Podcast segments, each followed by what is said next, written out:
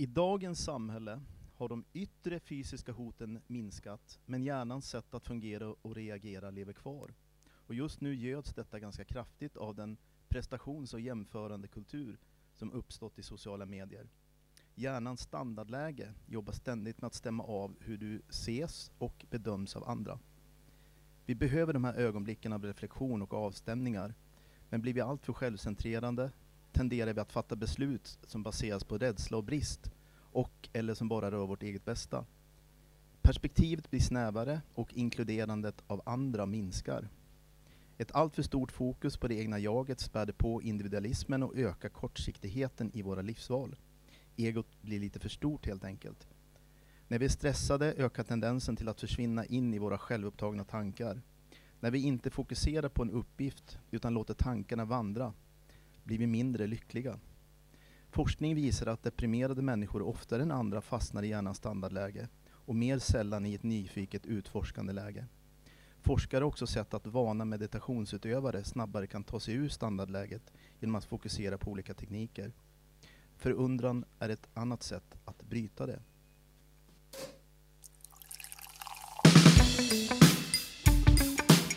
Fontaine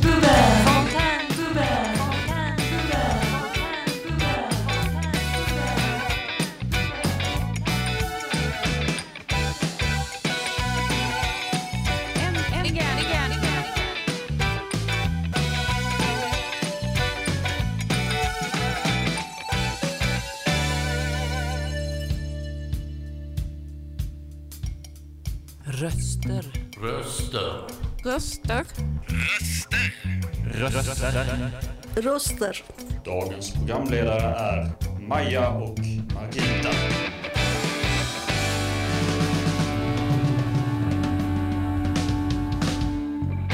Dina röster i vardagen. Ja, hejsan hejsan. Eh, Dagens program kommer handla om existentiell hälsa. Vad är det och kan förundran vara ett redskap till att förbättra ens hälsa? Då börjar vi faktiskt här och säga vad ska vi ta upp i podden? Ja, existentiell hälsa och förundran är ju intressant. Och så kopplar det till det så att eh, Till Lunds fontänhus liksom. Eh, Där eh, vi har ett projekt då, där vi tar um, ungdomar och så tänker vi att vi vill väcka förundran hos dessa ungdomar. Och hur kan man göra det på ett bra sätt? Ja, det kan ju vara exempelvis att komma ut i naturen och få, eh, få solen på sig och se, ja, vad, vad, mer kan man komma på? Ja, och det, det, vi kom på var ju, vad är det man gör lite grann? Vad är det här för undran? Vad är det för begrepp? Och då börjar vi göra lite research bakåt här. Ja, så exempelvis så eh, enligt eh, WHO, innan vi kommer in på det börjar vi med en låt av Miley Cyrus och låten heter Flowers. We were good, we were gold, kind of dream that came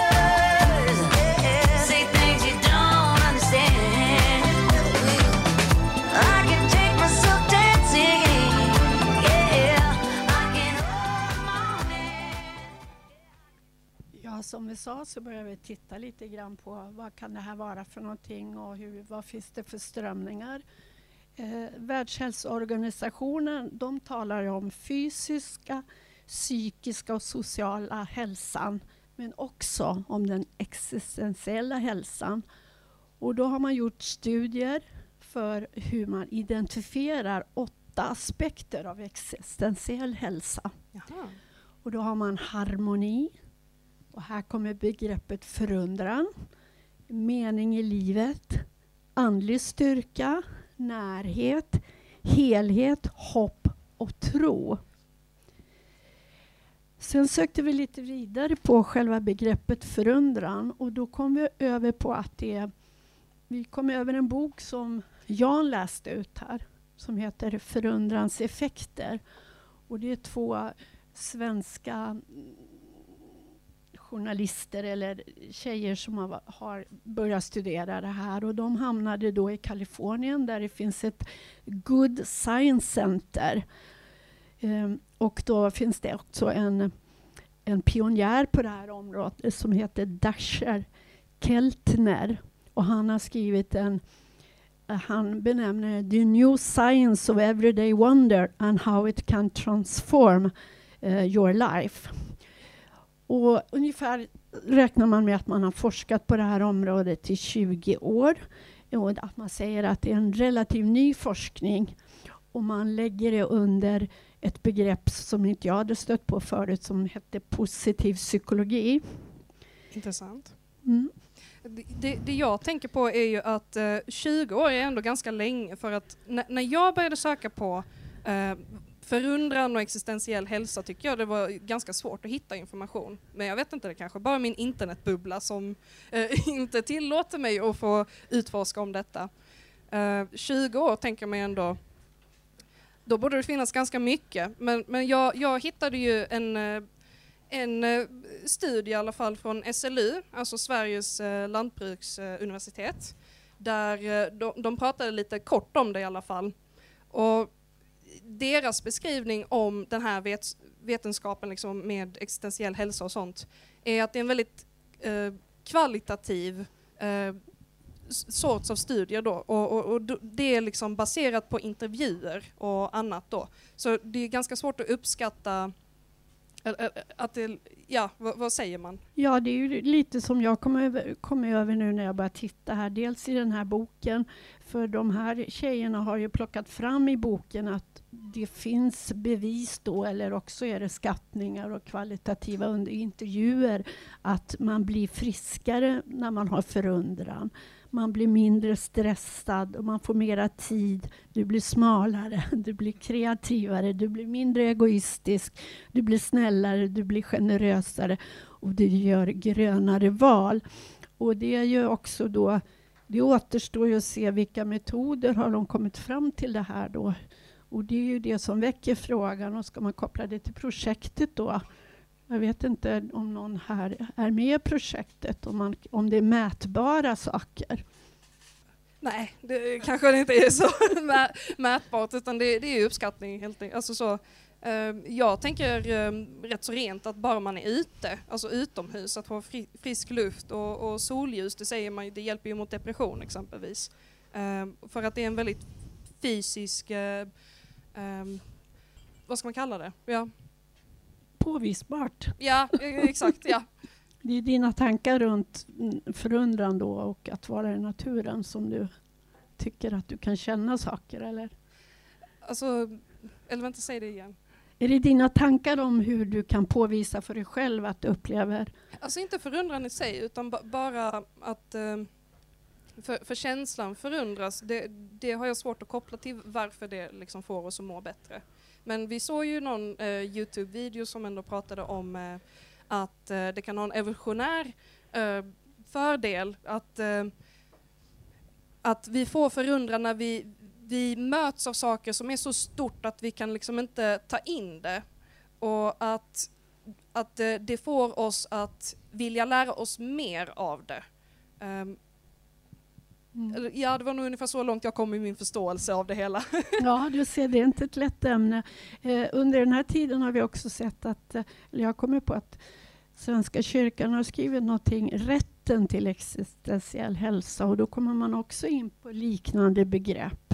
Eh, du nämnde då humanisterna. Hej, jag heter Ingrid och jag är med i Humanisterna och det är så att vi har börjat med något som heter öppna kort och det berör ju existentiell hälsa och det kommer från Göteborg. Jag tror det var en präst och en forskare som tillsammans har kombinerat, gjort kort då, nio stycken kort och så är det tema på varje kort och så berättar man först så här tänker jag så, går man, så är man nio, max nio stycken och så går man runt och var och en får säga hur de tänker och sedan hur de känner och hur man tänker framåt. Så det är olika teman på kortet och så och det vi utgår från Världshälsodefini- Världshälsoorganisationsdefinition om existentiell hälsa. Jaha, ja, det Ja. låter jätteintressant. Jag är inte så insatt i det men det jag varit, när jag har varit med så, så har vi gjort så. Ja, okej. Tack så mycket. Tack så mycket. Då går vi in på nästa låt tror jag. Med Sätt mig i brand av slaveriet.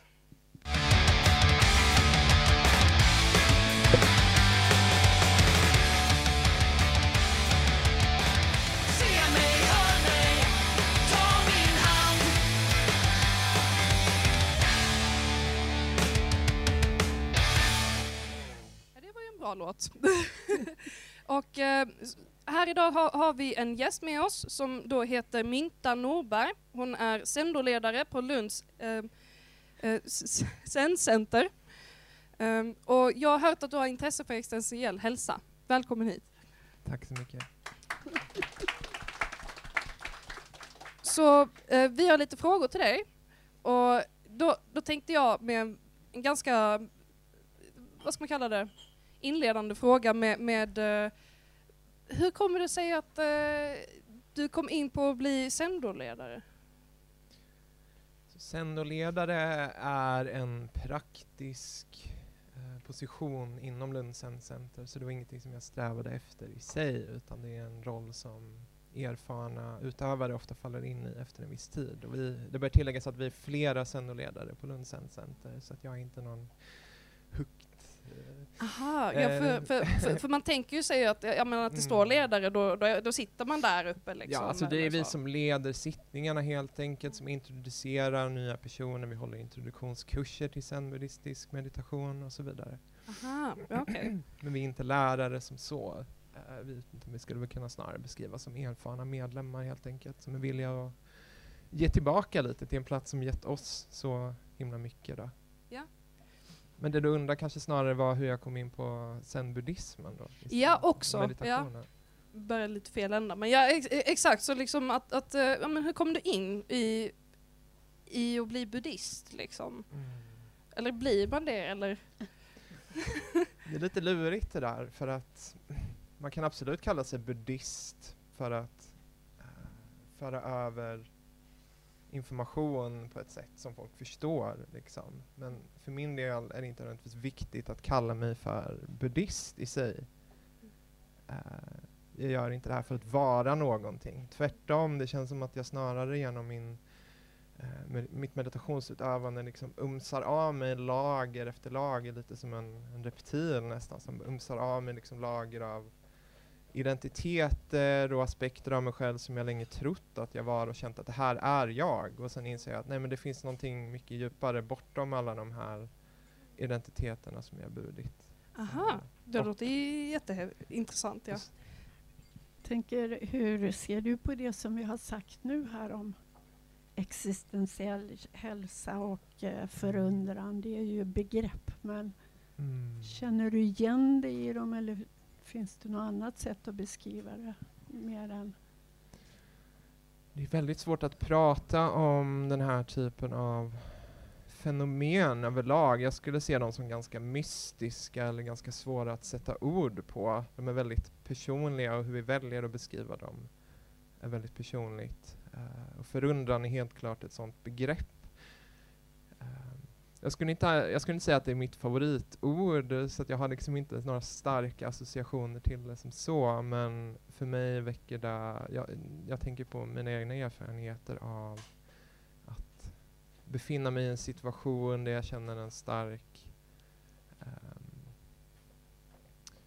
nyfikenhet, förvirring, uh, en oförståelse men samtidigt en vördnad i kombination med en längtan efter att förstå mer eller att förenas med det jag upplever. Och det är förundran för mig.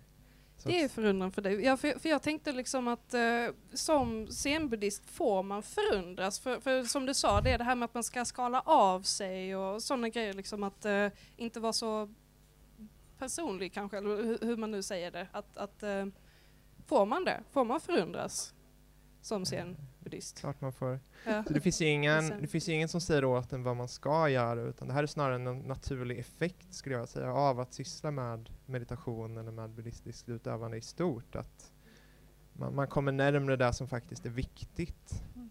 liksom essensen av det. Och det är det här, det, vi gör nu. Vi är här, vi pratar med varandra. Och det är det enda som spelar roll. Ja. För det är allt som finns. Ja, det, det är ju allt som finns. Ja, det, det är väl nuet på något vis. Liksom. Ja. Ja. Och, men men eh, vad, vad, vad hjälper dig då att... att eh, ja, jag tänkte... Tror du att meditation är ett sätt att få li, lite mer kontakt med det här kanske? Eller Definitivt. definitivt, ja. ja. Jag tänker den, den här andra organisationen, Världshälsoorganisationen, och eh, de har ju flera begrepp också på Eh, existentiell hälsa, så ibland kanske man inte kan lyfta dem från varandra direkt. Eh, för där har du också andlighet och du har harmoni och jag ser eh, men de här nya studierna som vi kom på då, som fanns i Kalifornien, där menar man ju att man man blir friskare, man blir eh, mera kreativ. Och i och för sig så hittar man ju det i det som du säger också, att man frigör energi. Eh, det man kan undra ibland, liksom så här som du var lite inne på, eh, eller också är det en fördom bara, att om man mediterar mycket så blir man världsfrånvänd eller blir man social aktiv i andra sammanhang. Mm. Det är en fun fundering bara som jag bollar.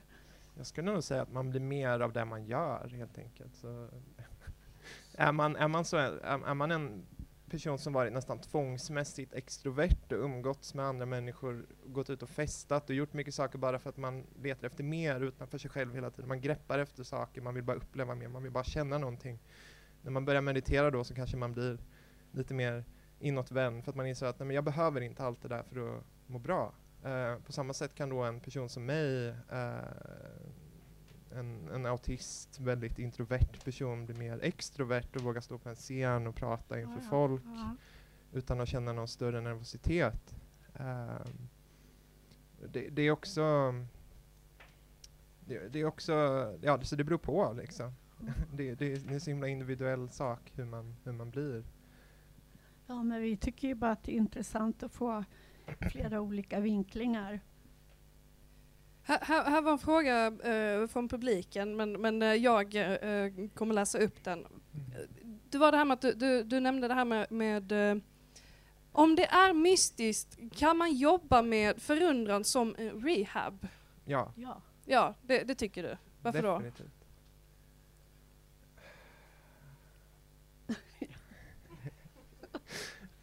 Återigen, det, nästan den signifikanta aspekten av mystik är att det är svårt att prata om. Så det, den här typen av frågor är svåra att svara på. Ja, det, För att det, är- det är sånt som är väldigt, väldigt svårt att sätta ord på. För att Ja. an, ha- hade, vi, hade det varit lätt att prata om så hade vi inte sett på det som mystiskt. Nej, Eh, nej, nej. Ja. och det, det är en del i varför det är väldigt svårt att göra någon slags förundransbaserad terapi eller syssla med det som en rehabilitering i sig. Men för min egen del har det absolut varit centralt att jag ska kunna fungera i vardagen, att jag ska kunna ha ett arbete, att jag ska kunna känna ro och lycka liksom, i det jag har, oavsett vad jag har. Och det är ju stort. ja, det är ju stort. Ja. Och det, det har väl också föregått den här podden. Vi har lite undrat om hur mäter man rehabilitering och vad är det som gör oss som mår bra och hur kan vi veta det och så vidare. Och då har vi försöker med den här podden och se. Ja. Ska vi ta en låt? Tar vi eh, gästens låt, alltså eh, Mintas låt. Eh, av Dolphin av Linda Perhack. Om, Perhax. Ja, okej, yes. Ja.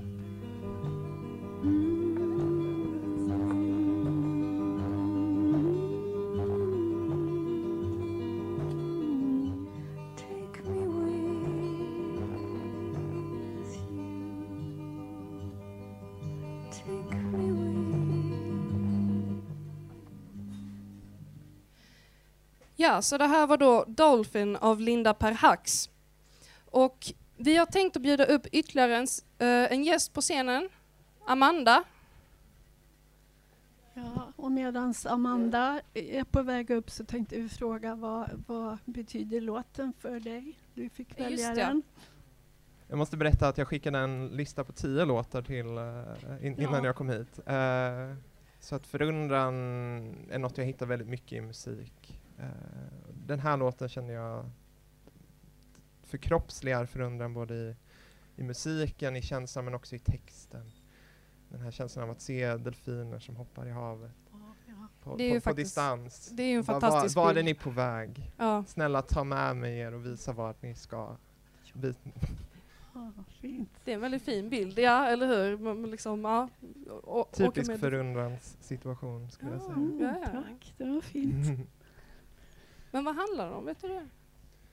Eh, Ja, jag jag det är misstänker det, men för mig Ja. spelar det ingen roll. Utan det är den, Det är den känslan du får. det är den känslan jag får och de bilderna jag får upp i huvudet. Jag är inte någon som nödvändigtvis läser och analyserar text. Utan Ja, nej, det måste man ju inte göra. Så välkommen Amanda. Tack, tack. Eh, ja, jag har förberett en liten text om mina tankar om förundran. Ehm, när jag tänker på förundran så tror jag inte det måste vara en överväldigande upplevelse. Jag ser det som något att bära med sig. Jag lever med konstant förundran inför min drivkraft och förmåga att skriva. Utan att vara för arrogant så kan jag ju säga att jag, inte har, att jag har något som inte alla har och att jag har min egen stil och röst gör det nästan unikt. Den har lett till att jag har åstadkommit någonting. Jag har skrivit klart en bok som var helt färdig och redo att tryckas och sedan dess har jag skrivit klart samma bok en gång till när jag insåg att den inte var färdig. Men nu är den definitivt klar. Om man bortser från att jag ibland går in och gör ändringar när det slår mig att, det att jag kan göra den bättre. Och jag, jag förundras över att jag konstant utvecklas som författare. Att jag kan förbättra det jag skapar med redigering och, eller en hel omskrivning. Jag, jag romantiserar allting som har med skrivande att göra. Att det dyker upp saker i mitt huvud. Att storyn växer medan jag skriver.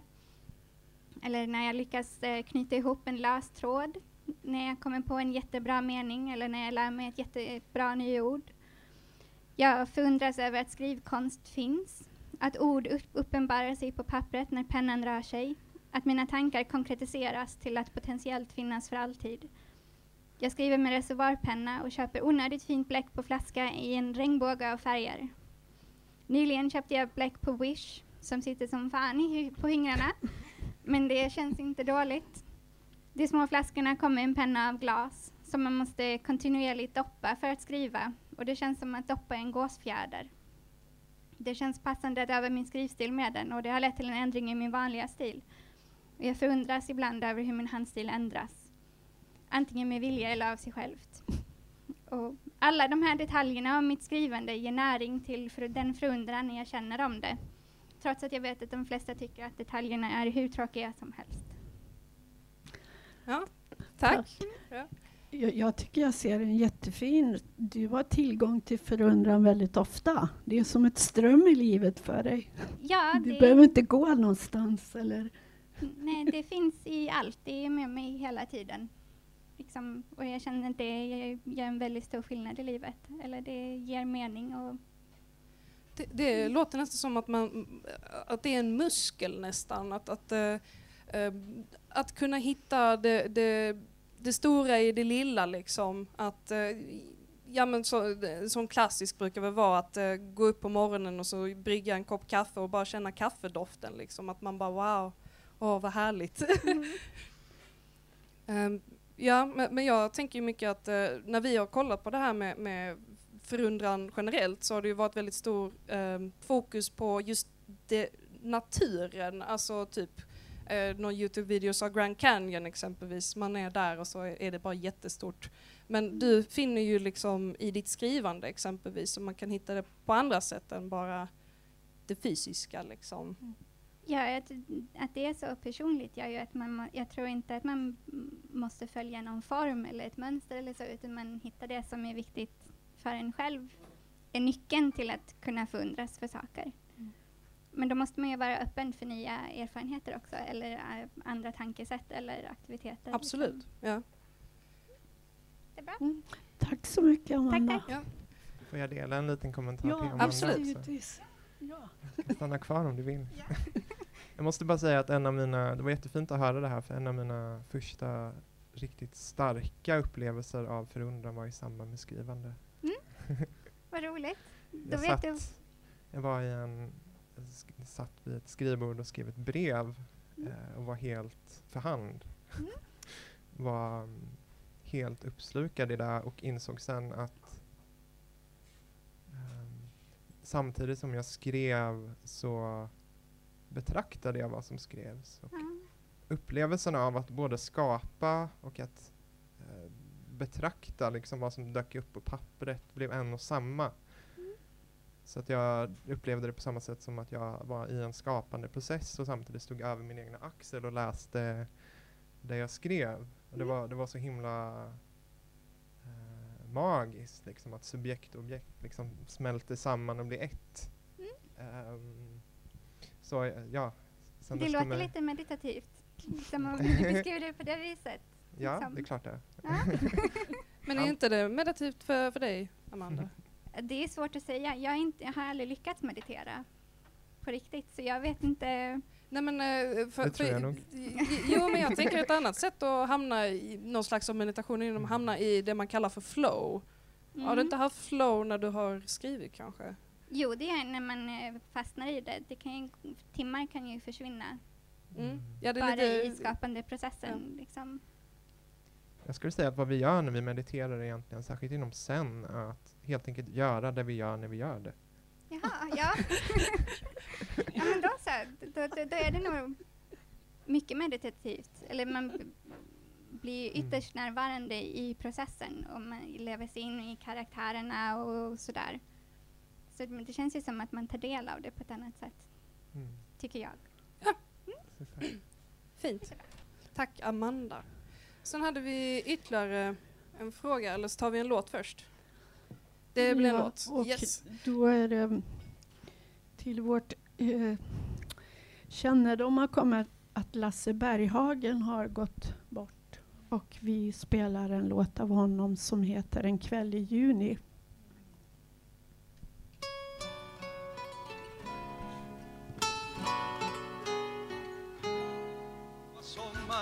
Det var glädje Och vi dansade och sjöng la la la la la la la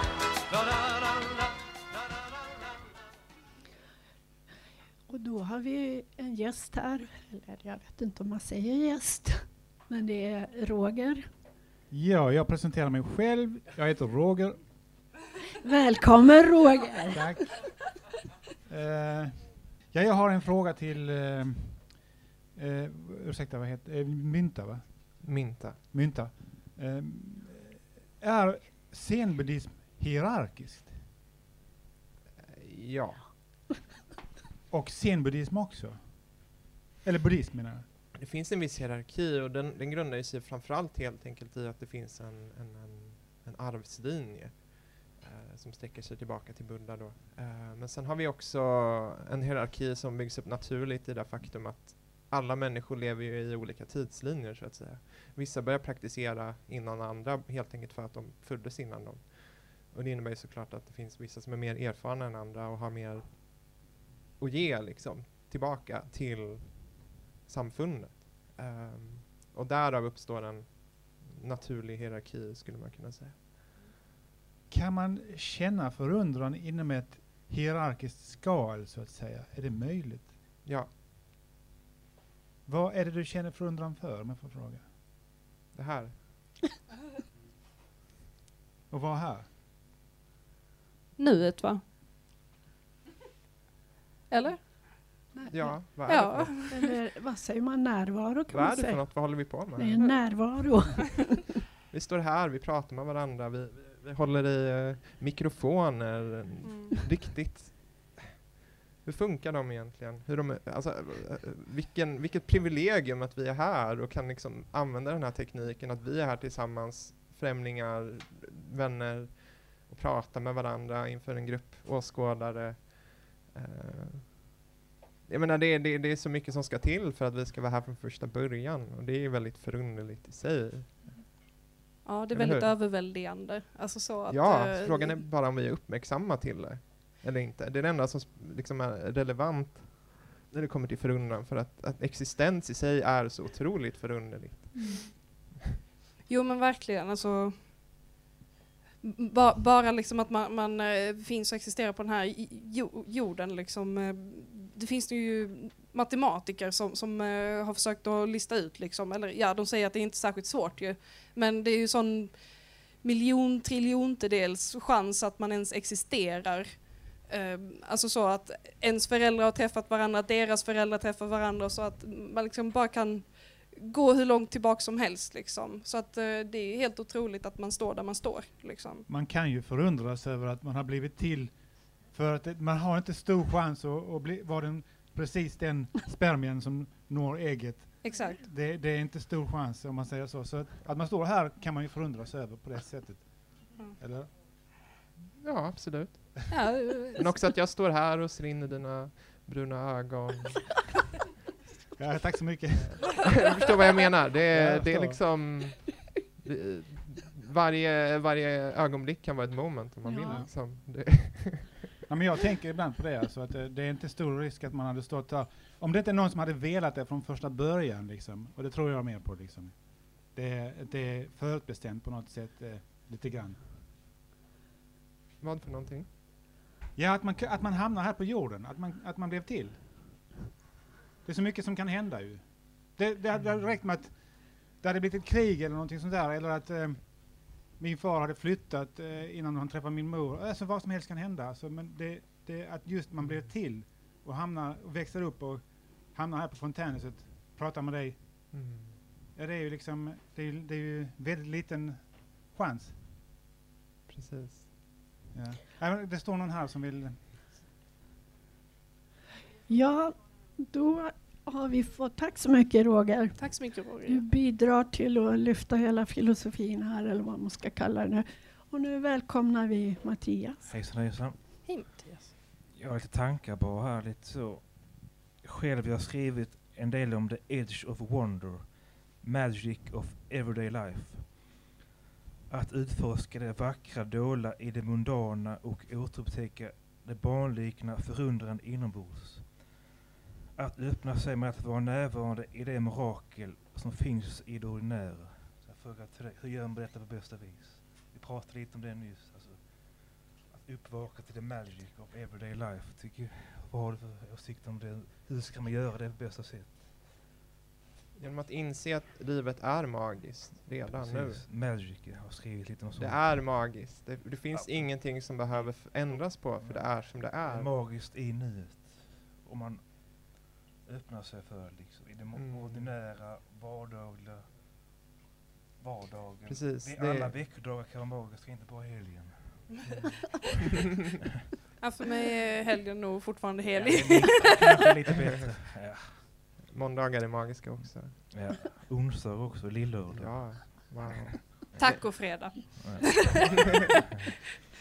Nej men det är otroligt viktigt det där för att vi måste, vi måste liksom anstränga oss lite grann för att kunna se magin. Eller se omgivningen, se världen, se våra liv som de faktiskt är. Precis. Det är svårt, för det är Det är lätt att svårt, klä ja. in dem i idéer och tankar om saker och ting. Det är lätt att bli distraherad. Ja, precis. Så vi, det blir liksom en massa extra ovanpå allting, eller vi reducerar Mm, ner ja. allt till idéer och tankar som är mycket mer torra helt enkelt än Mm. verklighet. Så Mm. om vi kan släppa taget om de här idéerna om saker Ja, och ting. Mm. och istället bara försöka uppleva liksom det, det, det råa, ofiltrerade Mm. Verkligheten runt omkring oss. Så, Precis. eh, The edge of wonder. hittar vi the edge of wonder. Ja. ja. Så, det var allt jag säga. Men Ja. tack så Tack. mycket. Tack så mycket Mattias. Nu, Då tar vi nästa låt av eh, Aespa och låten heter Life's Too Short. All of this discussion, talking about nothing you'd ever say to my face. You think you doing me regardless.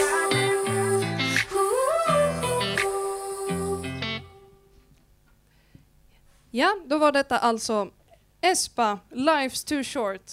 Och nu bjuder vi upp ehm, Olof. Ja, tack så mycket. Ja, ehm, nej men jag ska inte vara så långrandig. Jag ska, jag ska mest säga det, liksom det jag har läst om på när det gäller förundran, det är att man, det, det som sagt det ni, det ni var lite inne på, det här att man har en känsla av någonting som är större än en själv. Eh, och att det kan ta, men det står att det kan ta uttryck till exempel att man får gåshud och liknande. Och det kan jag säga att det kunde jag ofta få när jag var, när jag var yngre, sådär i 12 eh, eller, eller vid den åldern typ, så kunde jag få gåshud av en, fick jag ofta gåshud av att höra en riktigt bra låt. Eh, den, riktigt den känslan, ibland är det nära, har det varit nära på senare tid, liksom, men, men ofta nu för tiden får jag inte riktigt de effekterna, man är lite avtrubbad eller något sånt där, men, men, men det har varit typ så eh, de tena, senaste tio åren eller sånt där så har det inte riktigt, riktigt gett den effekten, alltså man har blivit mer att man har blivit taggad, men just den här förundran kanske Det, var- det är inte så att du kan få nostalgikänslor för vissa låtar, för, för ibland kan jag känna så, vissa låtar so, som jag lyssnade på när jag var väldigt ung, Mm. att jag kan fortfarande få få gåshud av det. Liksom. Jag vet inte om det är kopplat till förundran specifikt, men jag tänker liksom, eh, just nostalgi brukar vara någonting som Ja, eh, jo, det alltså kan- man känner det, kan- i hela kroppen. Liksom. Det kan vara, det kan ge lite så liknande känsla, i- som imiterar i alla fall känslan lite grann. Och det, det kan göra att man får den här känslan som nästan är som den, den man kände då. Att, att, eh, att det är någonting som, som börjar ta, ta sig lite i kroppen, även om den inte tar fullt. Så, men, det, men det är i alla fall, men absolut har nostalgi den eh, en hel del av sån känsla. Vad har hänt sen du var yngre då? Vad som har hänt? Nej men det vet jag inte, jag har väl bara blivit äldre och blivit li- lite mer erfaren och allting är inte så nytt för en längre. Eller? Ja. Försöker du sätta mig på plats eller? Har du stått här med oss innan och pratat innan ja, det har jag. om det här? Nej, det är första gången Ja. som jag pratar om just förundran, tror jag. Kanske. Jag vet inte, jag kommer inte ihåg exakt. Jo men det är väl Ing- första gången. Liksom. Ingen, inget ögonblick är sig likt. Även om vi går samma väg på vägen till jobbet eller till fontänhuset Mm. varje morgon så är det inte en och samma upplevelse. nej, nej, det, men det är bara, man, man vet, liksom, man- när man, när man har varit i samma upplevelse några gånger så är man, så, så är, man, är man på något sätt liknande upplevelser så är man ändå van vid det. Man, man, man följer ändå ett mönster. Det får mig att tänka mönster. på déjà vu, att liksom, det brukar ju vara ett sånt tillfälle där man får lite förundran, bara liksom, men det här känns som att jag, precis, alltså jag har varit med om detta förut. Liksom. Mm.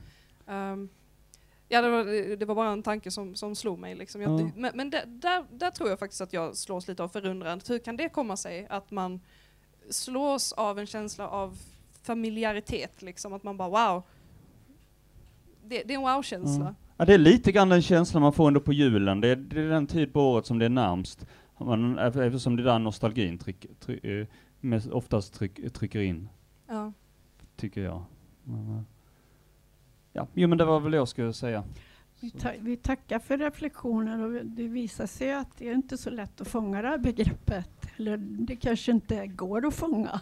Jo, men det tror jag. Det tror jag. Ehm, men vi har eh, en annan gäst som också är väldigt eh, eh, intresserad i ämnet som har pratat innan här idag. Ja, hej, eh, Jan heter jag. Eh, Jag läste ju texten ur den här boken Förundranseffekten. Just och det. eh, jag, jag satt och tittade på baksidan här, för det står faktiskt automatisk mindfulness. Jag, jag, har lite- eh, jag har svårt för det här mindfulness-begreppet, Mm. som är ju plockat ur sitt sammanhang. Till viss del alltså kan det vara så här. Men just att det står automatiskt, som ju kommer från, det är ju en, allt som är automation har ju med industrin och processer att göra. Att bara koppla dem tillsammans. Det, det är min ena reflektion. Och sen är den här med hela hastigheten, alltså eskaleringen av teknisk och digitaliseringsutveckling, AI och den biten. Och jag tänkte faktiskt ställa en fråga till dig, eh, Mynta, om jag har sett sådana Youtube-klipp, det finns robotar som sitter och eh, reciterar i Japan. Du måste ha sett det, för det är Nej. inom, inom zen-buddhismen. Där Aldrig de sett. här, Nu- och, det här vill se. och de reciterar då, och de sitter där och mediterar tillsammans med robotar. Oj, hur skulle du reagera på det? För det, det jag ska se om jag kan få fram något klipp sen. Hur, hur reagerar du på det? Att tekniken kommer in, vi får inte själv alltså, någonstans välja hur vi ska... Snart får vi inte ens meditera själva Ja, längre. snart får vi inte meditera nej, själva. Nej, men reflektera över, den biten. Du blev det, chockad, förundrad eller? Jag, jag, jag, jag tror jag behöver se det här klippet först innan Ja, jag kan ja. kommentera för det. Jag har väldigt svårt att föreställa Okej, mig ja, vad... Det, det, känns, det känns som en väldigt typisk japansk grej måste jag säga. Ja, ja. Jag tänker liksom på alla, alla så robotklubbar de har i Japan och allting. Mm. Att det, det är mer ett spektakel om något, Mm. en kul grej. Jag tror inte det är någonting superseriöst som så, mer än att det är Det kul. ser seriöst ut. Jag ska ta fram det Ja men det är det. Ja. Men, men för Japan då, zenbuddismen kommer ju från Japan. Det var ju, jag, jag, jag kallar mig själv Ja, buddhist med kristen touch. Jag konverterade till buddhismen i, i Vietnam. Mm. Det är visserligen eh, en, en annan riktning Ja, då. där har du tien, Ja. tien buddhism. Chan, chan ja. ja. Tien. Fast det är det rena landets lära. Det är den som jag... Okej, jag- Pure Land. Okej, ja, det är en annan, det är en annan Amitaya. inriktning. Amitaya. Men eh, det där med att sen kommer från Japan stämmer inte riktigt. Man kan väl säga att den viktigaste punkten om vi går tillbaka i tiden är faktiskt Kina, Mm, mm. där vi har Chan-buddhism. Mm, För att mm. buddhismen reste ju norrut från eh, Indien genom Kina och plockade upp sig influenser från taoism och konfucianism där eh, på, eh, under första millenniet. Ehm, och sen reste det ju då upp via, eh, det, det spritt sig till Vietnam och Korea och Japan och sådär. Eh, varför vi kallar det för zen-buddhism är ju för att det var, de som tagit det till väst var ju eh, antingen då japaner som reste till väst eller Mhm. västerlänningar som tränade i Japan. Mm. Men jag tänker så här, jag har ju svårt, det var någon annan som sa, nu kommer jag inte ihåg det, men det, jag har svårt att meditera. Jag, jag lyssnar gärna på mantra, jag lyssnar men jag har svårt att sitta still och vara tyst. Funkar ett par, tre minuter. Och sen ibland kan jag tycka att meditation är tråkigt, vilket jag har hört andra säga också. Vad säger du om det? Hur, hur, hur, skulle du säga om det? Nej men det är ju tråkigt att meditera. ja, det är skittråkigt. Du tycker det själv? Du tycker det Men Nej men det är okej, alltså det det, jag... Det är väl poängen tänker jag. Alltså man ska låta... Alltså man brukar säga att, att vara uttråkad är en ganska hälsosam grej. Att liksom kunna låta hjärnan och tankarna att vandra liksom. Eh, Men det där med uttråkning är, man måste säga uttråkning är en säregen upplevelse eller känsla för att alla andra känslor eller upplevelser kan man vända till någonting positivt. Att om jag, om jag är jätteledsen och fullständigt engagerar mig i det och verkligen låter mig själv gråta ut och sörja och komma till roten av va- varför jag mår så här, så är det en otroligt fin upplevelse. Man mår bra efteråt och det känns bra att liksom kunna ha en, ha, känna någonting väldigt genuint och starkt och att finna sig där och att inte liksom hindra sig själv ifrån det. Men att så här, vara engagerad i sin uttråkning är en fruktansvärt konstig... Det, det, jag tror inte riktigt att det går, för att en uttråkning kommer på någon, något sätt ifrån att man gör motstånd ifrån vad, eh, mot vad som är. Man, man, man befinner sig i en situation och känner att här borde jag inte vara, eller här vill jag inte vara, jag vill komma ifrån det här. Att man skapar distans till det liksom.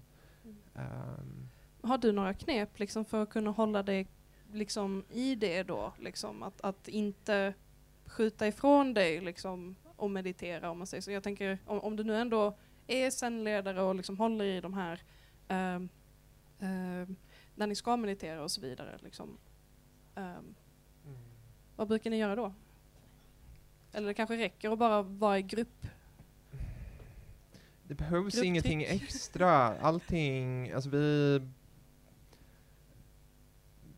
Det- är viktigt att ta ansvar för sin upplevelse av världen. Att vi har en väldigt stor förmåga att påverka hur vi upplever saker och ting. Och de flesta tenderar att leva i ett perspektiv där allting som händer, allting vi känner, är någonting som finns utanför oss, någonting som påverkar oss. Att när jag äter en pizza så smakar det gott, eller, och då mår jag bra.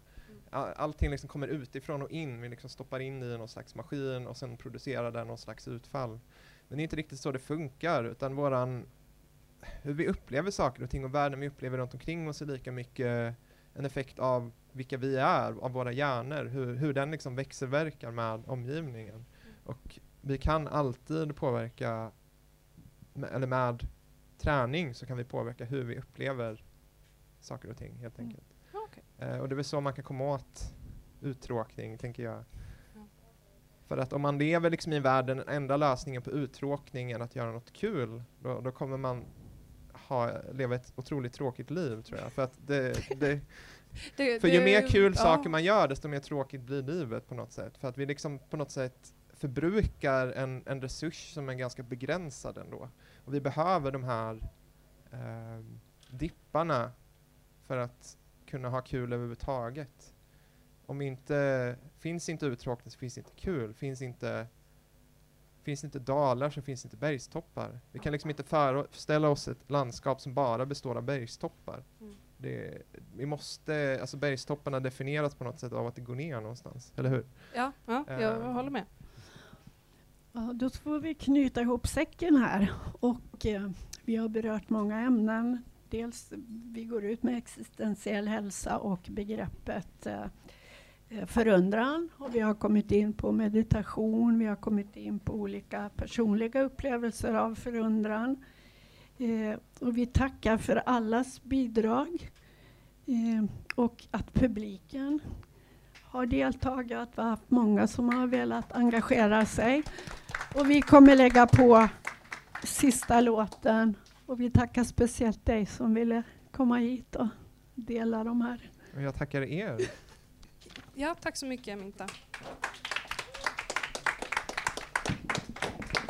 Dagens sista låt är Baba Yetu av Kristoffer Tin.